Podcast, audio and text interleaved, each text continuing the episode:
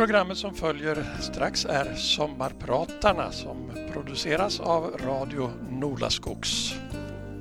Och dagens sommarpratare är Anders Lindström som berättar och spelar sin musik och vi säger välkommen till dig Anders.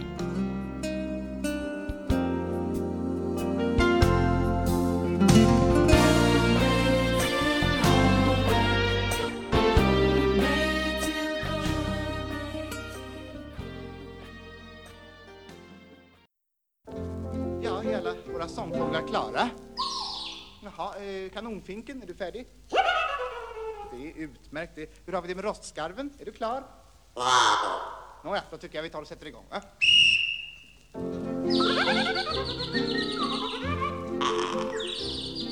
Åh, det är härligt Varje morgon vid femtiden vaknar jag tvärtkvitt och går ut ur min stuga så glad och alert. Kvitt, kvitt. Jag försäkrar det lilla besvärt är det värt. Jag dubblar. Att få lyssna till fåglarnas morgonkonsert.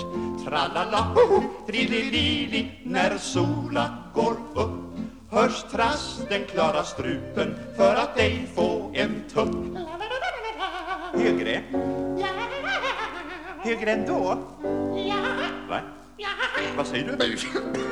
Tralala, ho, trililili, då mår jag så bra. Man har så mycket vänner bland småfåglarna. Se där simmar en smörgås med ungarna sju Och i vassen hör svanknölens glada du Ifrån mon ljuder sumphegens kuckeliku Och på fältet där borta slår lärkan sin fru Tralala, hoho, lili, hörs lockrop och svar. Och högt i hattorshäcken häckar hackspettens par Tralala, hoho, trililili, kom lyssna och se på alla våra vänner bland småfåglar.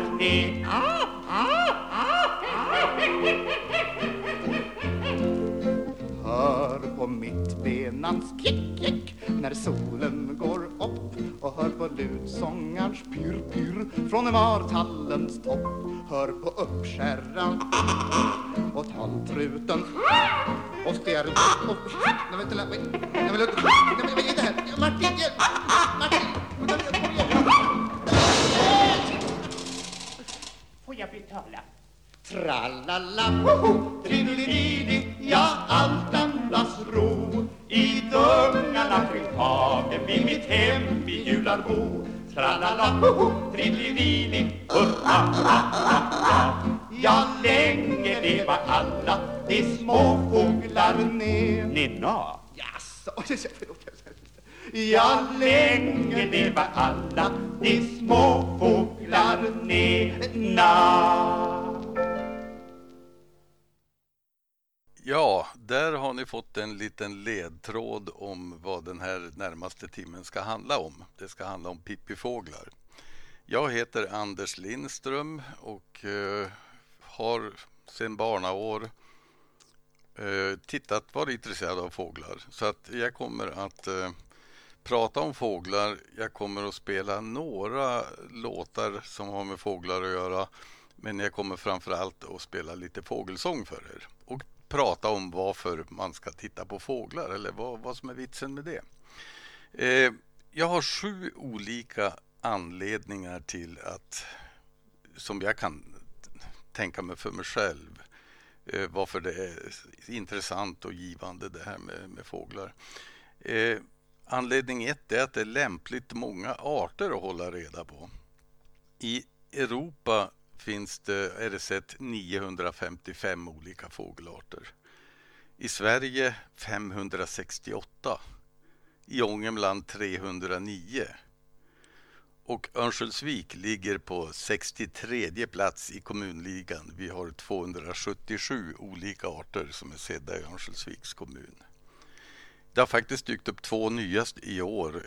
Det sågs en svartnäbbad islom ute på Skag, Sudde. Och så sen så en stepphök har jag sett också, två nya.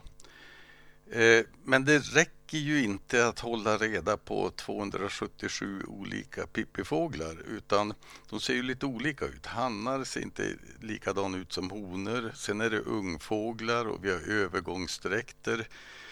Så att det, det, är liksom lite mer utmaningar än att lära sig ett visst antal typarter. Och Sen är det faktiskt så att när man är och tittar på fåglar så okej, okay, dräkt, dräkter och sånt här är en sak och det tittar man ju på. Men väldigt många arter bestämmer man på något som heter giss. Det är alltså hur de beter sig. Om det kommer en flygande fågel så ser man att det är en nötkråka och inte en nötskrika på grund av att de ger en annorlunda känsla i, i rörelsemönstret. Så att eh, lämpligt många arter fast det finns chans att fördjupa sig. Det, det är en anledning. Det, man kan hantera det. Sen en annan anledning som jag tycker till att titta på fågel det är det här med vårt klimat gör ju att fågelvärlden och många andra världar också eh, blir, får som årscykler. Vi har ganska få fåglar här inom kommunen på vintern, få arter. Det ökar framåt våren när, när eh, flyttfåglarna kommer och sen på hösten har vi fyra till fem gånger fler fåglar i markerna än vad vi har på våren. För då är alla ungar ungfåglar och många får ju två kullar. Så att fyra till fem gånger fler fågel är det på hösten och sen minskar det då under hösten allt eftersom de lämnar landet och lämnar kommunen. Så att vi har en årscykel så att, eh, så att eh, få, titta på fåglar blir lite tidsmarkör i livet. Man ser väldigt väl när det är sommar, vår och höst. Och fåglarna, slarvigt säger man ju stannfåglar och flyttfåglar, men det är rörelser, det är invasionsarter. Rätt vad det är så är det jättemycket grönsiskor kring här på östkanten. Och det, det rör sig fåglarna rörs, får ett flyttningsmönster så man rör sig hit och dit. Och det innebär att, att eh, det blir oförutsägbart. Alltså du kan stöta på en konstig fågel var som helst. Det finns alltid ett moment när man är ute i, i naturen att vad som helst kan dyka upp.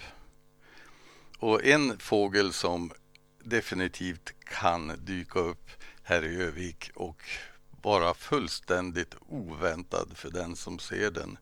Det är en art som heter aftonfalken. Eh, vi ska höra på Uffe Lundell som är fågelskådare sedan gammalt. Han skrev en låt som heter Aftonfalken och Pugh Rågefält har gjort en inspelning på den. Den ska vi höra på nu.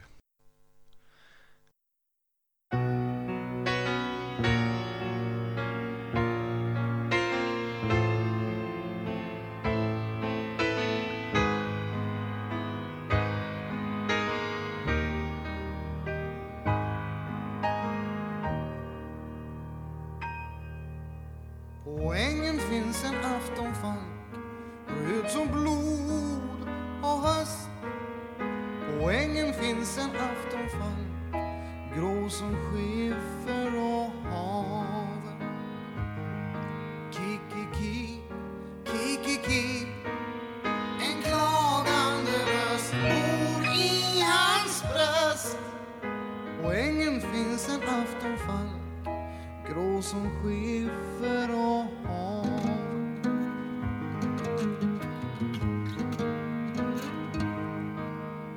I havet simmar hajarna både fula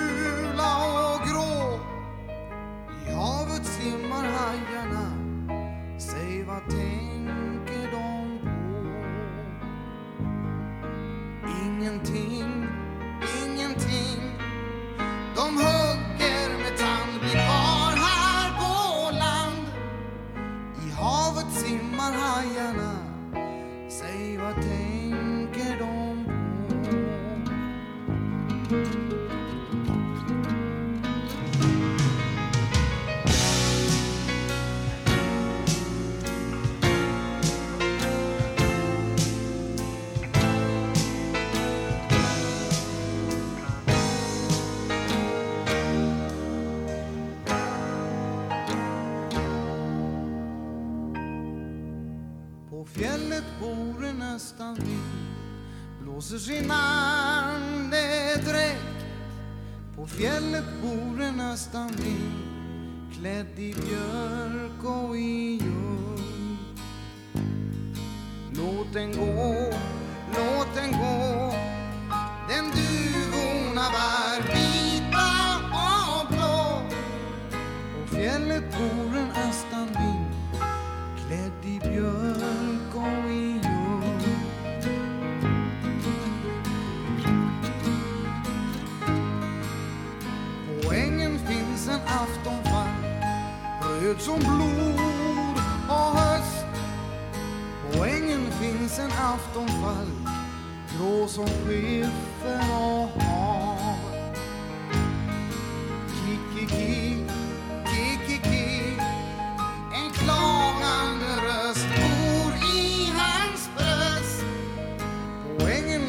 Ledsen aftonfall. Grå som skiffer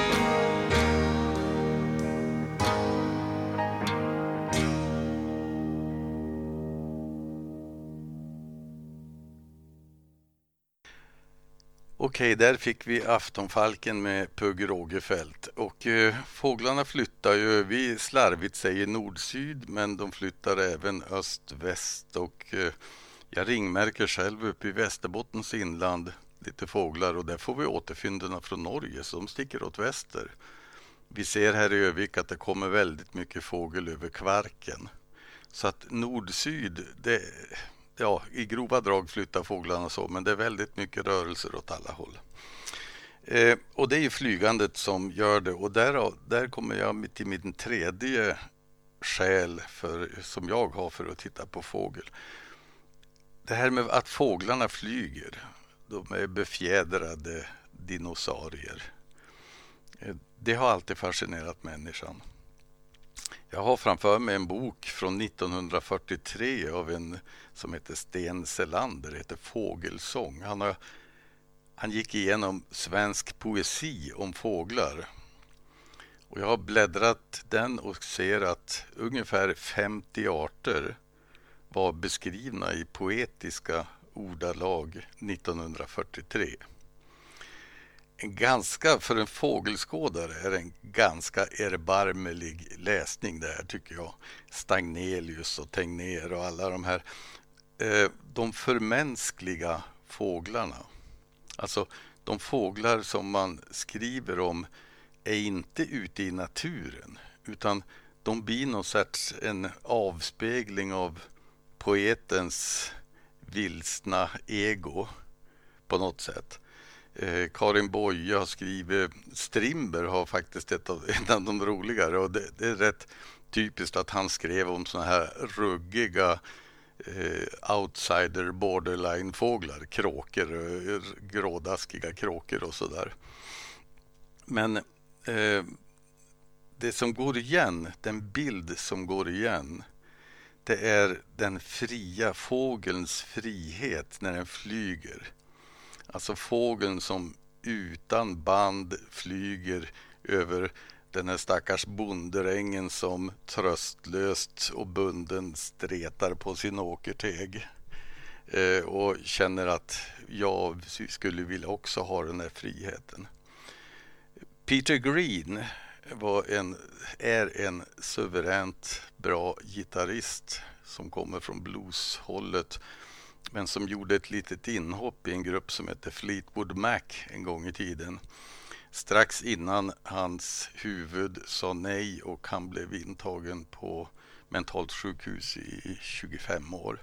Men innan dess, han är tillbaka nu, lite trevande, men innan dess så hann han spela in den här låten med Fleetwood Mac som skildrar den här ändlösa, tidlösa flykten, fågelflykten. Den heter Albatross.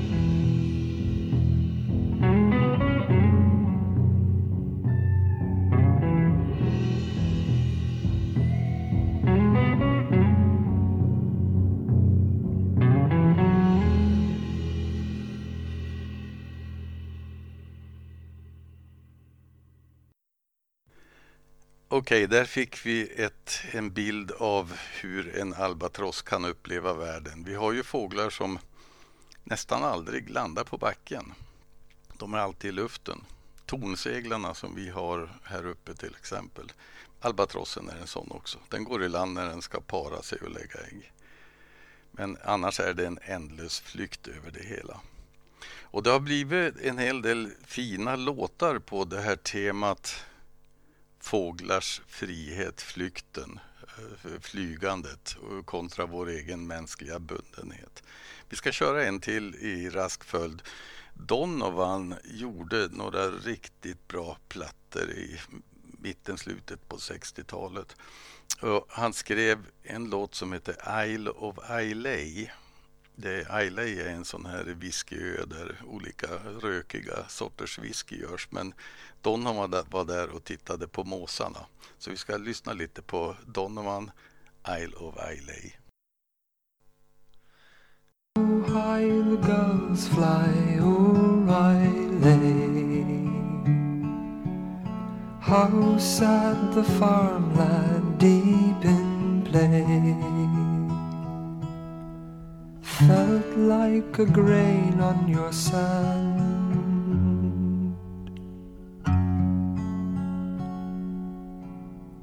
How well the sheep's bell music makes. Rove and the cliff when fancy takes. Felt like a tide left me here.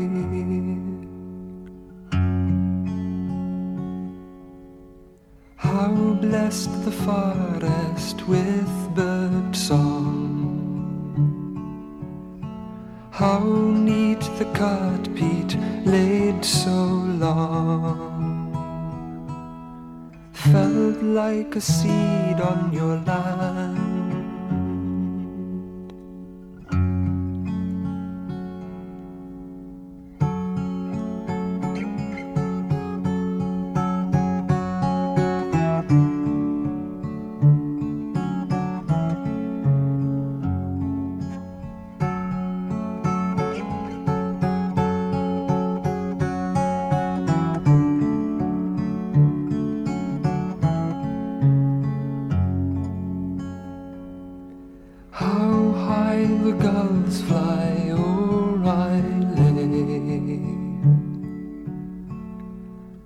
Sad the farmland deep in play.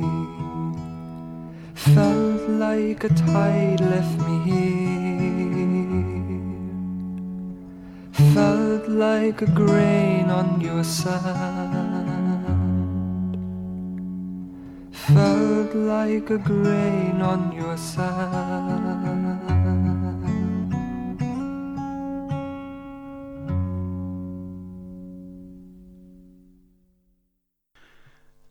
Sen gjorde Donovan en annan låt eh, som hade omkvädet Seagull, I don't want your wings, I don't want your freedom in a lie. Han kom till insikt om att den här friheten som, som eh, flykten synbarligen kan ge, det är ingen frihet egentligen. Så Donovan kom längre i tanken än alla Stagneliusar och Esaias Tegnerare och Karin Bojare. Alltså fåglarna lever inte i en idyll. Det är en tuff värld för både gulsparvar och havsörnar och annat. Synnerligen tufft. De måste ägna nästan all tid de har åt att försöka skaffa sig mat, hitta en partner och fungera i ekosystemet. Eh, det innebär att de måste vara väldigt skickliga på att ta vara på möjligheterna. Är lite Noraskogsaktiga sådär. Och därmed kommer vi fram till den fjärde anledningen som jag kan tycker själv som gör att jag tycker det är kul att titta på fågel. Det är att se på fåglars anpassningsförmåga och se hur Darwin, utvecklingsmekanismerna springer ganska fort i fågelvärlden. Man ser förändringarna. Om man håller på att skåda fågel så ser man hur förändlig naturen är. Och man behöver inte åka till Galapagos för att se det. Nya arter dyker upp och etablerar sig. Gamla arter kan försvinna. Raser kan det bli diskussion om. Raser har utvecklats så att det kanske är två olika arter istället. Och bara under min livstid så här i Övik så är det ju jätte, jättemånga förändringar som har skett. Jag har tidiga minnen från Norrvågö där jag kunde vara fem år eller något sånt. Då jag var ute med min pappa på natten. Vi varenda sommar så gick vi ut och tittade på nattskärrorna och lyssnade på dem. Den nattliga spinnrocken så att säga som fanns eh, ute på Genesön och runt, runt Norrvågö och säkert på många, många ställen. Idag är det en jättesensation om man skulle höra en spinnrock i skogen. En och annan hörs varje år i, i landskapet men, men den, den har i princip försvunnit och det är nog skogsbruk och annat som har ställt till med det. Eh, ortolansparv kommer jag ihåg som liten. Eh, det, det, är också en sån där åkerfågel som fick en väldigt, väldigt negativ grej i samband med betningen av kvicksilvers, alltså utsäde med kvicksilverbetning under 60-talet. Och den har inte kommit tillbaka. Vi ser idag också funderar vi över en art som heter videsparv. En väldigt speciell fågel som häckar på myrarna i inre delen av Övik här och eh, flyttar åt öster. Som i princip har försvunnit. Väldigt eh, sällan. Sen, sen kommer ju nya till. Nötveckor har vi helt plötsligt i, runt våra fågelbord. Och där var det speciellt lustigt eftersom det finns en östlig, nordlig nötvecka som fanns uppe i Sibirien och, och ryska taigan och Kolahalvön och inre Finland. Sen finns det en sydlig nötvecka som kommer från Mellansverige.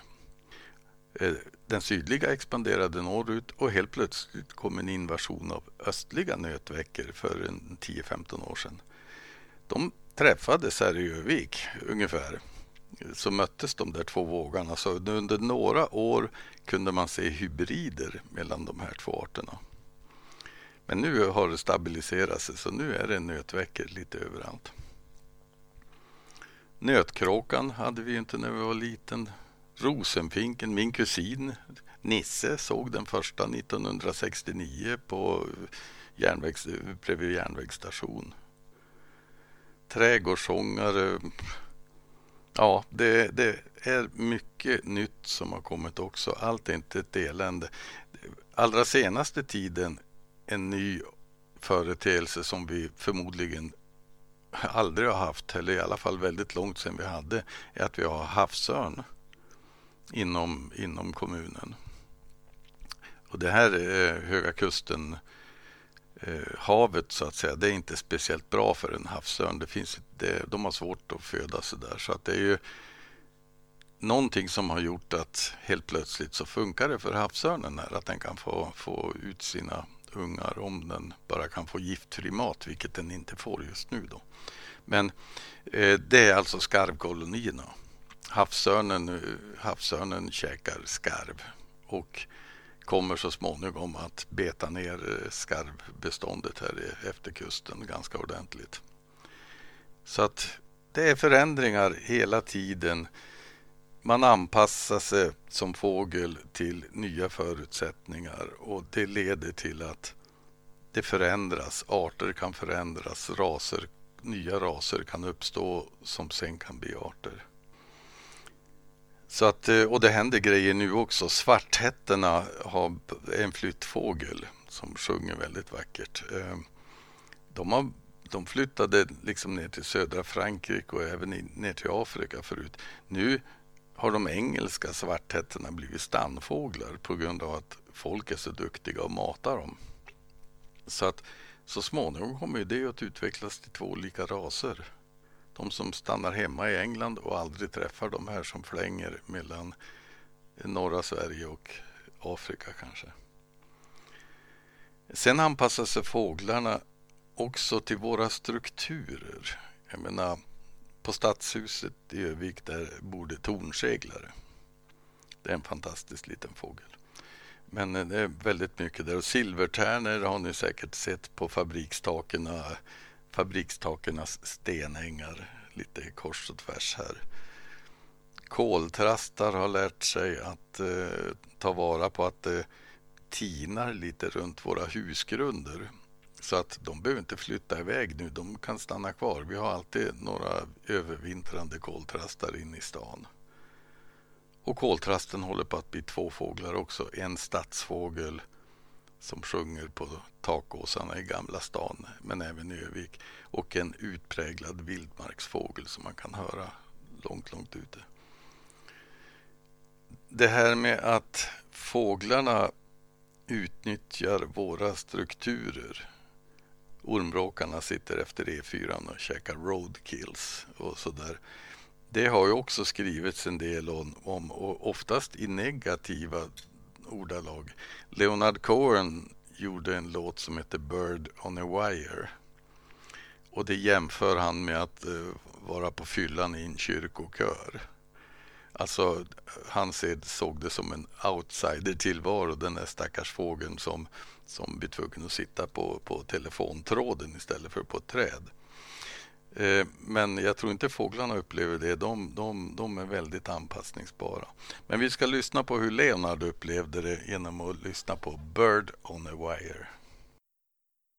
Like a bird on the wire Like a drunk in a midnight choir I have tried in my way to be free. Like the worm on a hook, like a knight from some old fashioned book. I have saved all my ribbons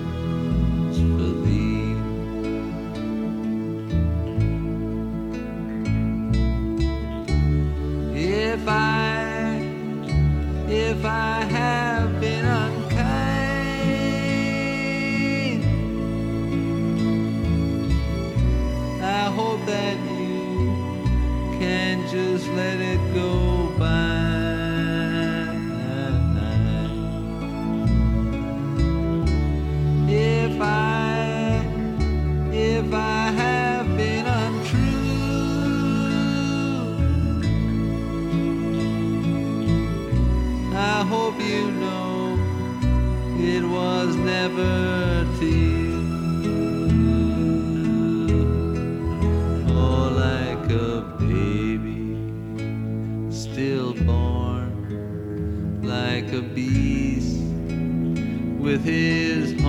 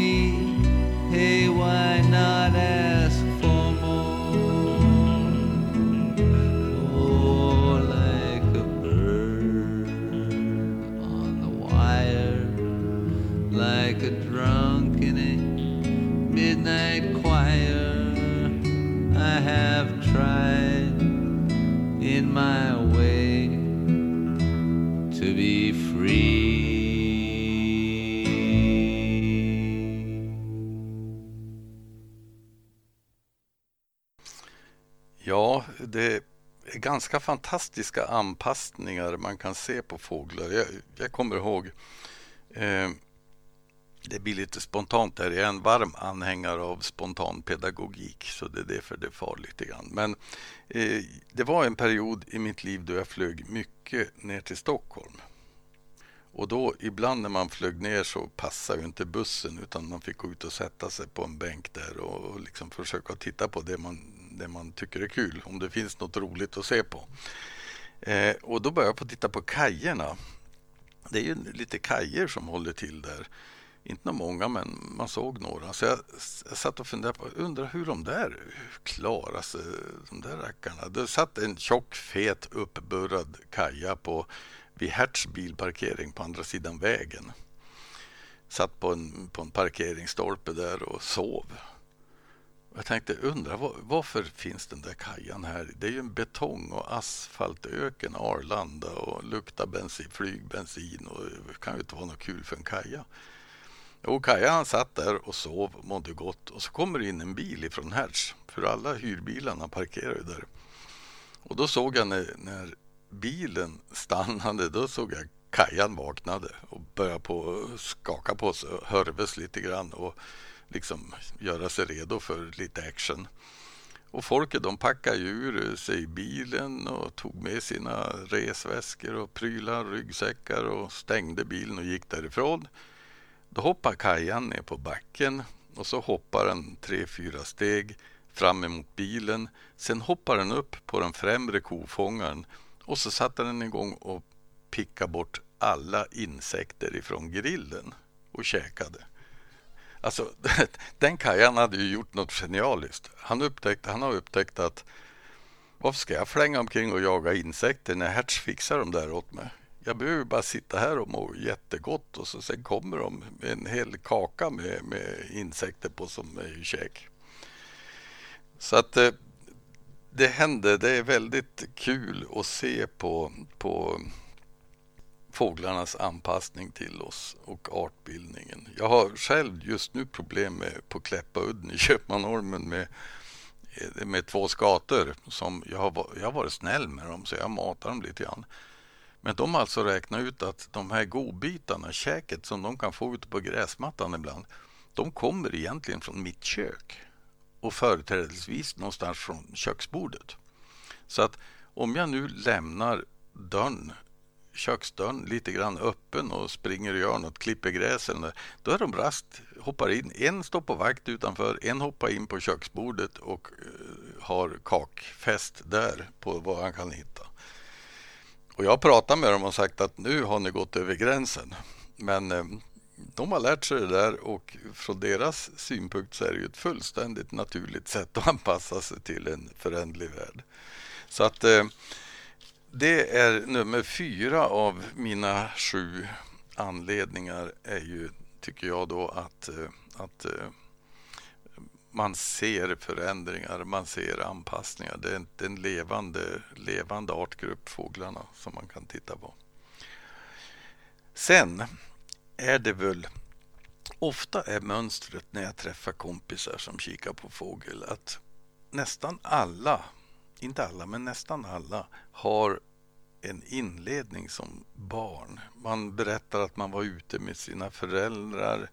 Man var, föräldrarna lärde dem. Jag själv kommer ihåg Erik Bartler från skolan jag har någon bild där jag sitter och käkar på en ostmacka ute vid Öfjärn på, med fågelexkursion med Erik Bartler. Men ofta är det så att man, man, eh, man har barndomsupplevelser som har med fåglar att göra och så sen blir det en ganska lång period då man eh, fokar på annat.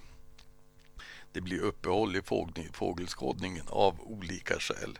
Men väldigt, väldigt ofta så kommer man tillbaks när man har liksom fixat grejerna och huset är klart och frun finns på plats eller karn finns på plats och barnen är på gång eller finns där. Då, då börjar man på titta på fågel igen. Och, och då kan man hålla på på så många olika nivåer. Man kan, kan eh, utvecklas åt alla, alla möjliga håll. Man kan eh, jobba i det, vara i det lilla. Börja på att titta vad har jag för fåglar på fågelbordet. Lära mig några läten. Börja på att se hur många arter är det egentligen på min tomt. Jag kommer ihåg i Norrbåge på tomten där fick jag ihop 134 arter. Alltså det är förvånansvärt många arter på en vanlig tomt. Och speciellt om man kan titta ut över vatten lite grann också. Men man kan börja så där litet, litet och, och försiktigt. Och sen kan man utvecklas åt väldigt många olika håll. Eh, det finns de extrema. De vill ju se så många fåglar som möjligt. Helst varje månad. Man har försöker se så många arter som möjligt varje månad. man eh, ser alla i Sverige och sen så sträcker man ut sig. Så till slut så sitter man väl på någon liten ö någonstans och tittar på, på den enda av sin art. Um, man kan ha en sån big twitch, lägga av ett år och åka kors och tvärs runt världen. Det där levandet är väldigt fossilt. Det kräver en massa bilåkning och att man drar på alla kryss. Som är. Eh, man kan också göra så att man börjar på titta på fåglars beteenden, börjar på fördjupa det hela. Fundera över hur hanterar talgoxen det här egentligen när det är så här. Man kan eh, bära det med sig i vardagslivet. Jag har själv råkat ut för det någon gång att man har varit på något ställe i något sammanhang och förväntats göra någonting och så har det kommit flugit förbi en fågel som har förstört alltihop. Jag kommer ihåg eh, jag såg en fotbollsmatch en gång. Det fanns en svensk mittfältare som var ganska duktig som hette Hasse Borg. Han var, fotbolls, han var fotbollsspelare men han var fågelskådare också. Och jag såg på en allsvensk match när de spelade och så rätt vad det så ser jag hur Hasse glömmer bort fotbollen. Han börjar på att titta uppåt himlen och kolla och, och liksom lagkompisarna skriker åt honom och säger spela boll. Men han, då hade han sett en fågel. Ett litet moment där. Han bar, bar det med sig i vardagslivet. Det väldigt extrema åt det lilla hållet är, jag vet att det finns, det finns människor som har drabbats av väldigt, väldigt tunga öden och blivit sängliggande och måste ligga, kan inte komma ut. Fågelskådare som hamnar i sån situation på grund av en olycka eller sjukdom. Eh, det finns en, lös eller en lösning, men det finns ett sätt för dem att fortsätta skåda också. Det finns alltså folk som skådar på tv och även tävlar med varandra och artbestämma fåglar som man ser på tv. Om man ser en film, vilda västern-film som cowboyer som rider och indianer. Rätt vad det flyger en rödstjärtad vråk förbi i bakgrunden eller något sånt där. Så det finns människor som är bundna vid sängen som ändå fortsätter att skåda fågel. Så att eh, ja, det, det är ganska, ganska det går, det går att hålla på på så många olika nivåer. Och det går att hålla på hela året. Jag sa att fåglar är en tidsmarkör. Ja, lyssna på ugglor i januari till mars. Eh, titta när flyttfåglarna kommer, april till juni. Först kommer fröätarna, sist kommer insektsätarna. Vara ute på nätterna och lyssna på nattfågel i maj, juni höststräcket börjar runt midsommar. Alltså, det är ganska beklagligt för oss att höra storspov-tjejerna som flyger söderut eh, på midsommarfesten. Nu juli, augusti, då kommer vadarna på retur. Först kommer ungfåglarna, sen kommer de vuxna. Och augusti till november, då är det ju flyttfåglar överallt. Och då ringmärker jag väldigt mycket. Och det är en massa, massa konstiga läten på gång och det finns fem gånger så mycket fågel. Så att eh, femte anledningen, olika nivåer att skåda fågel och hålla på hela året är ganska kul. Eh, nu ska jag bara lite kort eh, prata om sexan och sjuan. Det finns sidekicks till fågelskådning. Fjärilar, humlor, trollsländer. Det finns ganska mycket att titta på samtidigt som man tittar på fågel. Fjärilar är speciellt perfekt för om man är ute och i naturen och då har man ju de flesta fåglarna på morgon och så sen på eftermiddagen, kvällen. Men mitt över dagen så är det precis som att fågelvärlden har siesta. Den tiden då solen står högt och värmer som mest, då har fjärilarna högsäsong och även humlorna och trollsländerna. Så vill man hålla igång hela dygnet så kan man kombinera eh, fågeltittandet med att skåda fjäril på samma sätt. Inte fånga dem och, och, och nåla upp dem på nålar i ett album utan använda sin kikare. Om du köper en fågelkikare, köp en med bra närgräns så du kan titta på fjärilar också. Så att det finns trevliga sidekicks. Och sen kom jag fram till det sista.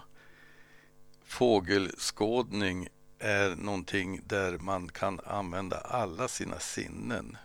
Kanske inte lukten så mycket, men synen och hörseln.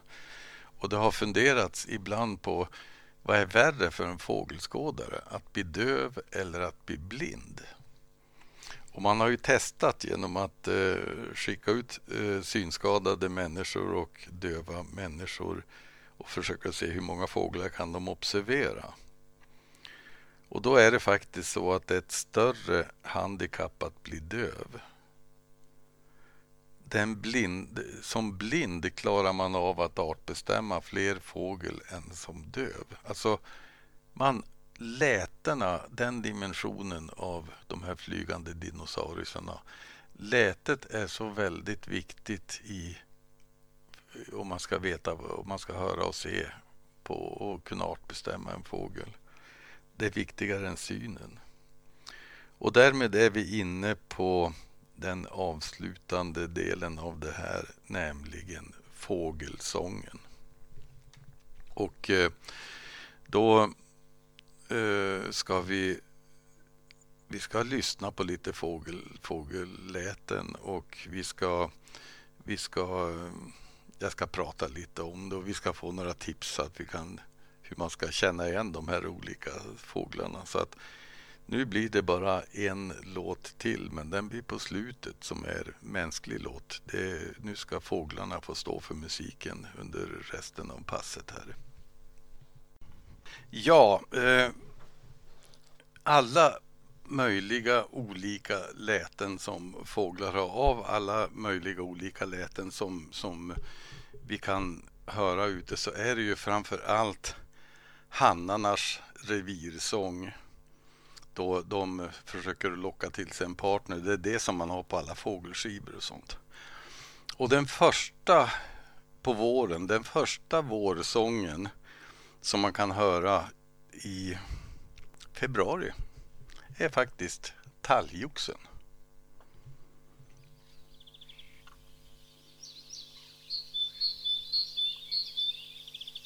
Känner igen det?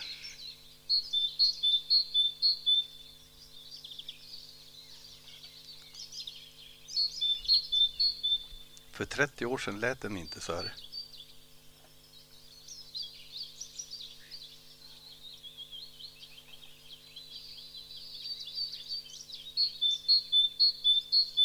Så lät den inte då. Då lät den trestavigt. Ti-ti-ti, ti-ti-ti, ti-ti-ti lät den. Hur låter den som en brandbil?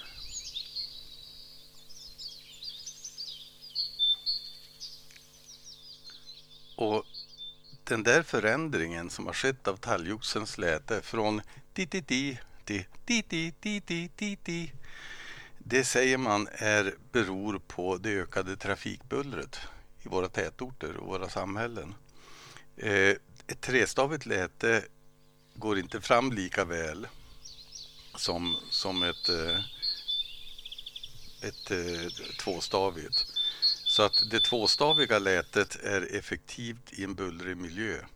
Och därför så, så har talgoxens hannar som sjunger med tvåstaviga läten har enklare att fixa tjejer och då får de mer barn. Och då blir det mer och mer fåglar som sjunger tvåstavigt. Och de här trestaviga rackarna får väl framleva sitt liv i skymundan då och så småningom försvinner de. Så talgoxen är, är en sån. En annan väldigt tidig fågel är bofinken. Den låter så här. Den har ganska många småläten för sig.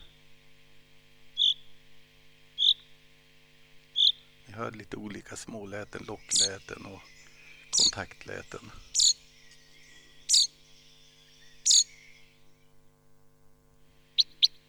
Det här är det vanliga kontaktlätet. Witt, witt.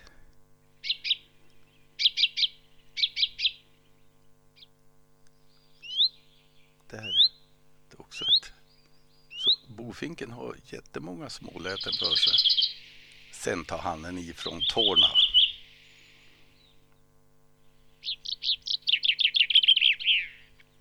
Knorr på slutet har den ofta.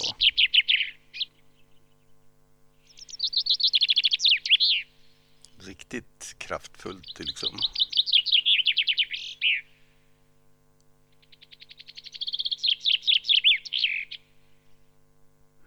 Och bofinken den, den eh, kommer ju väldigt tidigt på våren också. Det är en fröätare, kommer tidigt. Eh, någon beskrev bofinken som den perfekta ockupationen av ett land. För att helt plötsligt en morgon i slutet på mars sitter det en bofink i varje buske. Från Skåne till Luleå. Har kommit över natten. Osmärkligt smygen. Helt plötsligt är de där. Och de kommer alltså på bred front både från söder och från öster och sydost och ockuperar det här landet på ett väldigt häftigt sätt.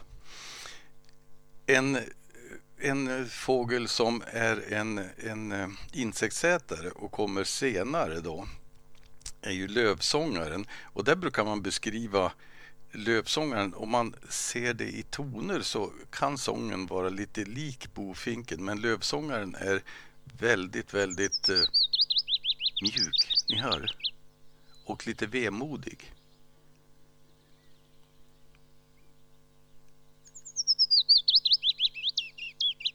Och inte den där knorren på slutet. Lite vemodigt på slutet. Någon sa, det är ungefär som man säger, vi som hade det så bra och så har det blivit så här. Vi som hade, har haft det så bra och så nu har det blivit så här.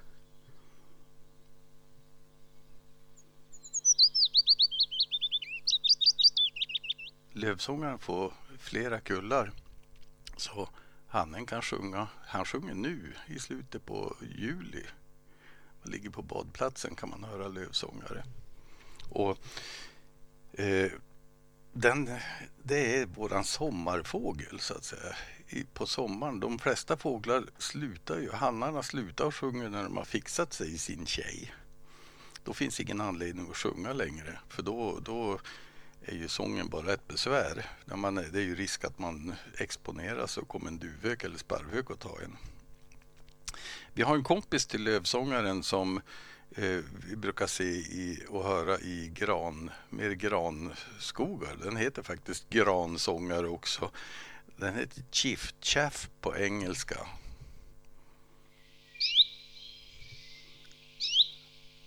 Tweet, säger den. Tweet. Lockläte alltså.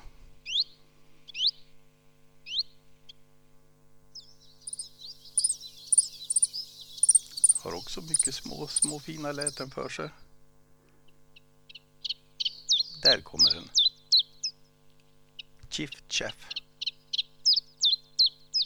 Onomatopeiskt säger man.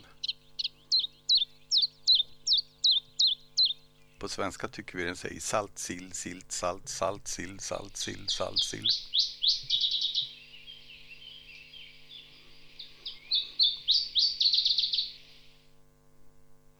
Eh, det var, sen har vi en kompis till dem som finns också i lite mer lövmiljöer men, men eh, även i blandskog som heter grön sångare.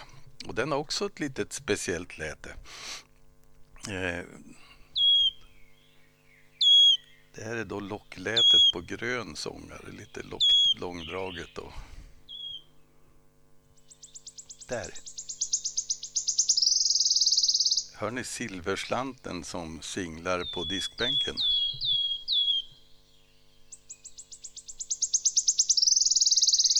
Det går lite fortare på slutet. Erik Rosenberg beskrev det som att man singlar en silverslant på en diskbänk. Det är grönsångaren. Så att de här lövsångare, gransångare, grönsångare, de sjunger.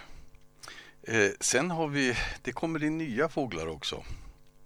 Eh, vi ska lyssna lite på en ny invandrare som jag beskrev. Min kusin såg den första, eller hörde den första nere på järnvägsstationen 1969. Det är en östlig, väldigt, väldigt vacker fågel. De utfärgade hannarna i alla fall eh, som heter Rosenfink. Vi ska lyssna på hur den låter.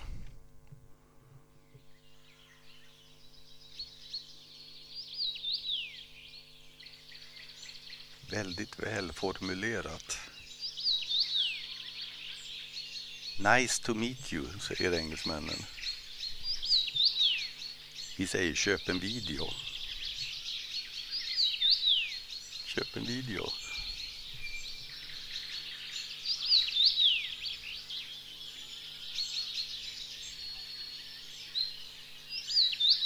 Ett nytt ljud i, i vårt landskap. Kommer i slutet på maj, sjunger några veckor, sluta sjunga så fort han får tag på en tjej. Köp en video. Eh, vi ska lyssna på en liten pippi till som heter Gulsparv. Och den, den, är väldigt, det var en av de första fågellätena jag hörde eller lärde mig. En, två, tre, fyra, fem, sex och sju sa Butler att den sa.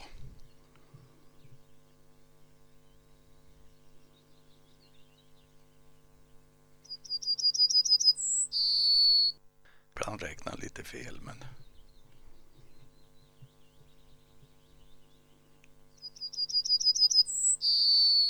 Det är Å7 han andas in där på slutet.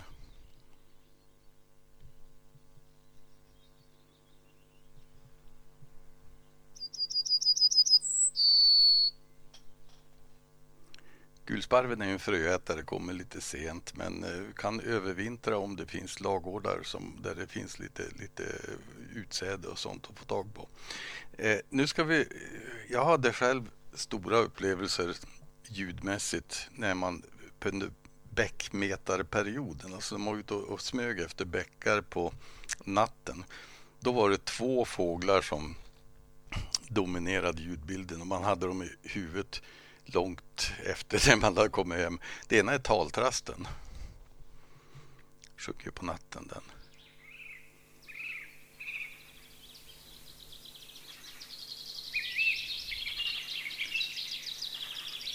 lite annat tjafs i bakgrunden. Men taltrasten är den som upprepar tre gånger. Det var en bofink förresten. Jag tyckte att taltrasten sa Fick nå fisk, fick nå fisk, fick nå fisk. Nähä, nähä, nähä. En riktigt retsam en, en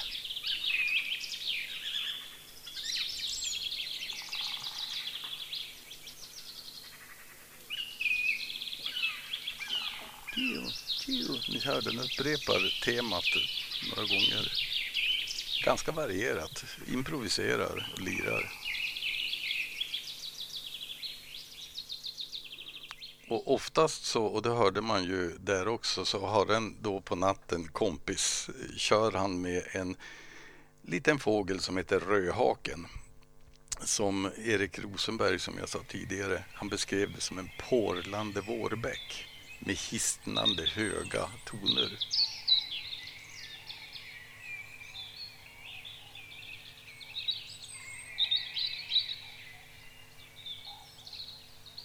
Väldigt, väldigt höga toner en del.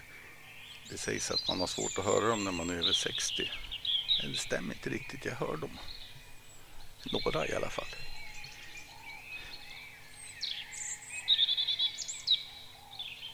Man vet ju inte vad man inte hör. Jag sitter ofta uppe i en gran och sjunger det här med de här höga, höga tonerna och det här porlande.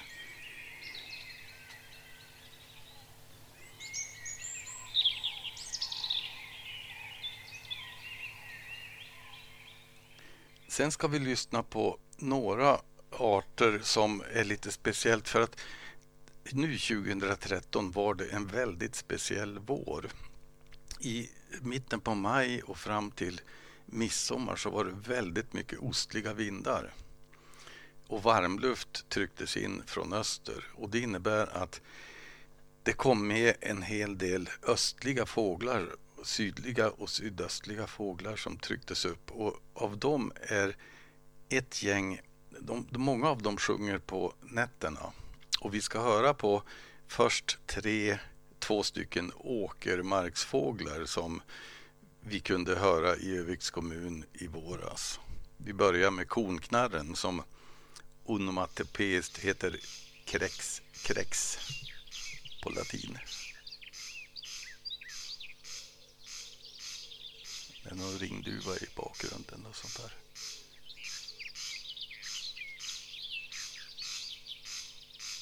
satt ett helt gäng konknallar i, både i Köpmanholmen och på andra ställen i kommunen. Går omkring hela nätterna och låter så här. Man får aldrig se dem. De gömmer sig så bra. Kräks, kräks.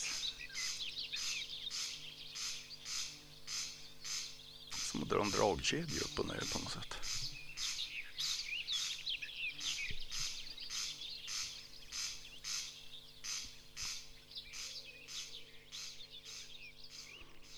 Sen har den en kompis som också är ute på åken och de där kan komma när gräset har blivit ett par decimeter högt för de går inte på en naken åker utan de är gömda. Den här andra heter vaktel. Var vanligare förr än vad den är nu. Men... Bytt Det här lätet är vittljudande, hörs alltså jättelångt.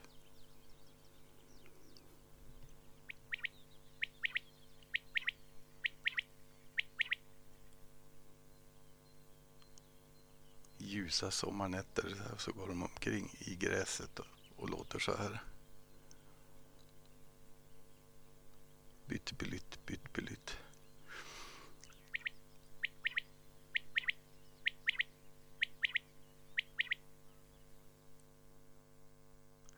Eh, en tredje sån här nattsångare som, som dök upp i våras är mer den här jag berättade att jag och min far var ute och tittade på i i Norrvåge när man var liten. Nattkärra, väldigt skum fågel. Den äter eh, stora insekter och spinner sin spinnrock i, i den här ljusa sommarnatten. Ta om lite grann ibland men kan hålla på nästan oändligt. Det är spinnerocksfågeln som var vanlig förut och nu är en väldigt stor raritet. Det är vanlig på Gotland bara egentligen.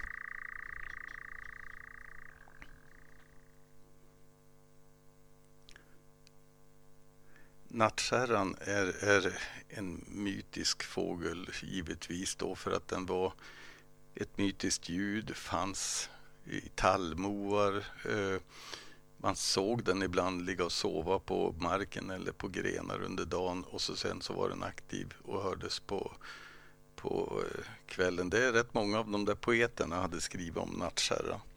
Men den är, den är så att säga väldigt ovanlig här uppe nu. Men vi har, har haft några nattkärror nu i våras.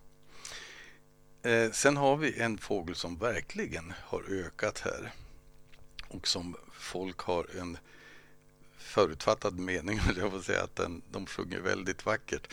Har man tältat på Öland eh, bredvid en buske där den här fågeln eh, är igång, då får man en annan, ett annat perspektiv på låten. Jag pratar om näktergal.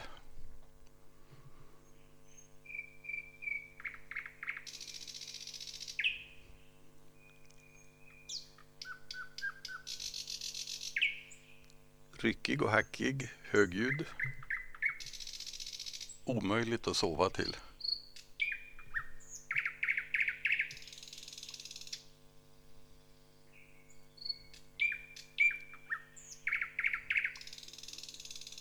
Men är beskriven i ett otal poetiska sammanhang. The Nightingale sang at Berkeley Square.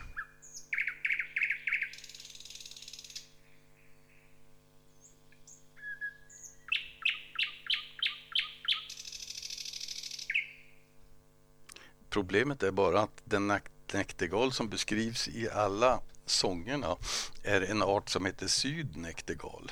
Det är inte våran näktergal utan en, en eh, släkting till den som finns över hela södra Europa som heter sydnäktergal. Och är, den är betydligt mer melodisk och harmonisk och går förmodligen mycket bättre att sova till än den här hackiga grejen som vi har här som har ökat så mycket på sista tid så att vi har den årligen i, inom kommunen med flera exemplar. Eh, allt har sin ände. Jag tänker sluta den här dagen med Mästaren. Det är en östlig art som har börjat på att komma och i år har det varit busksångare från efter hela Östersjökusten. En fantastisk fågel som hör hemma i Mellersta Östern. Improviserar. Helt fantastiska xylofonläten mitt i alltihop. Att sitta och lyssna på den här busksångaren, det, då tror man att man är i regnskogen. Fast man är i Alnö egentligen. Det sägs att den inte har något eget läte, att den bara kör covers. Att den imiterar asiatiska trastar.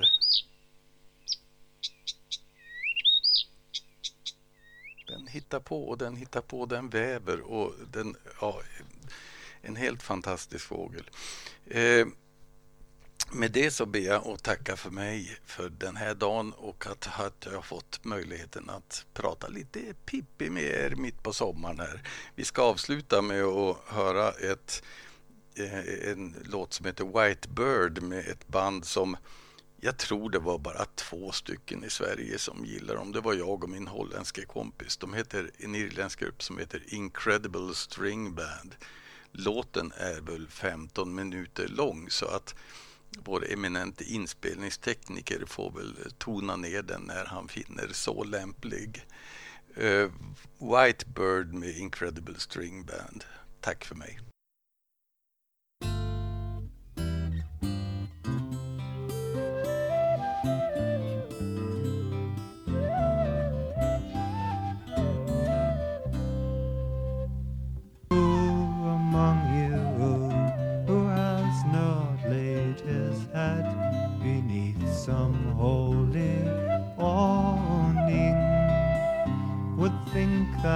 Such a night of tortured traveling could bring such a glory morning and feel his heart sucked to his head. His head so white that all life says has room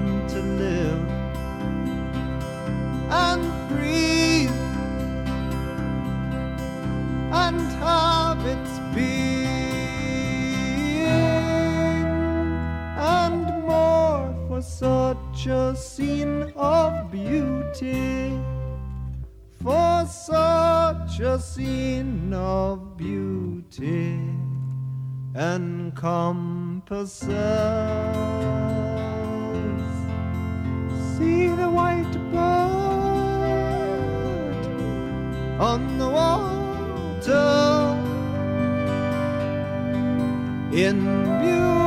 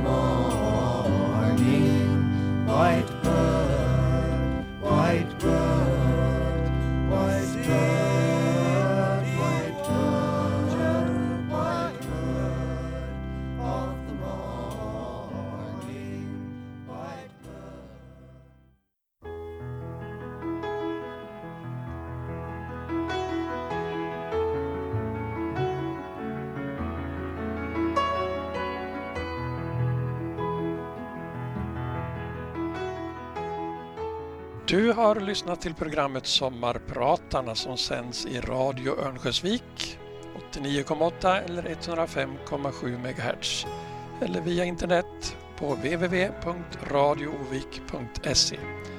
Och programmet produceras av Radio Nolaskogs.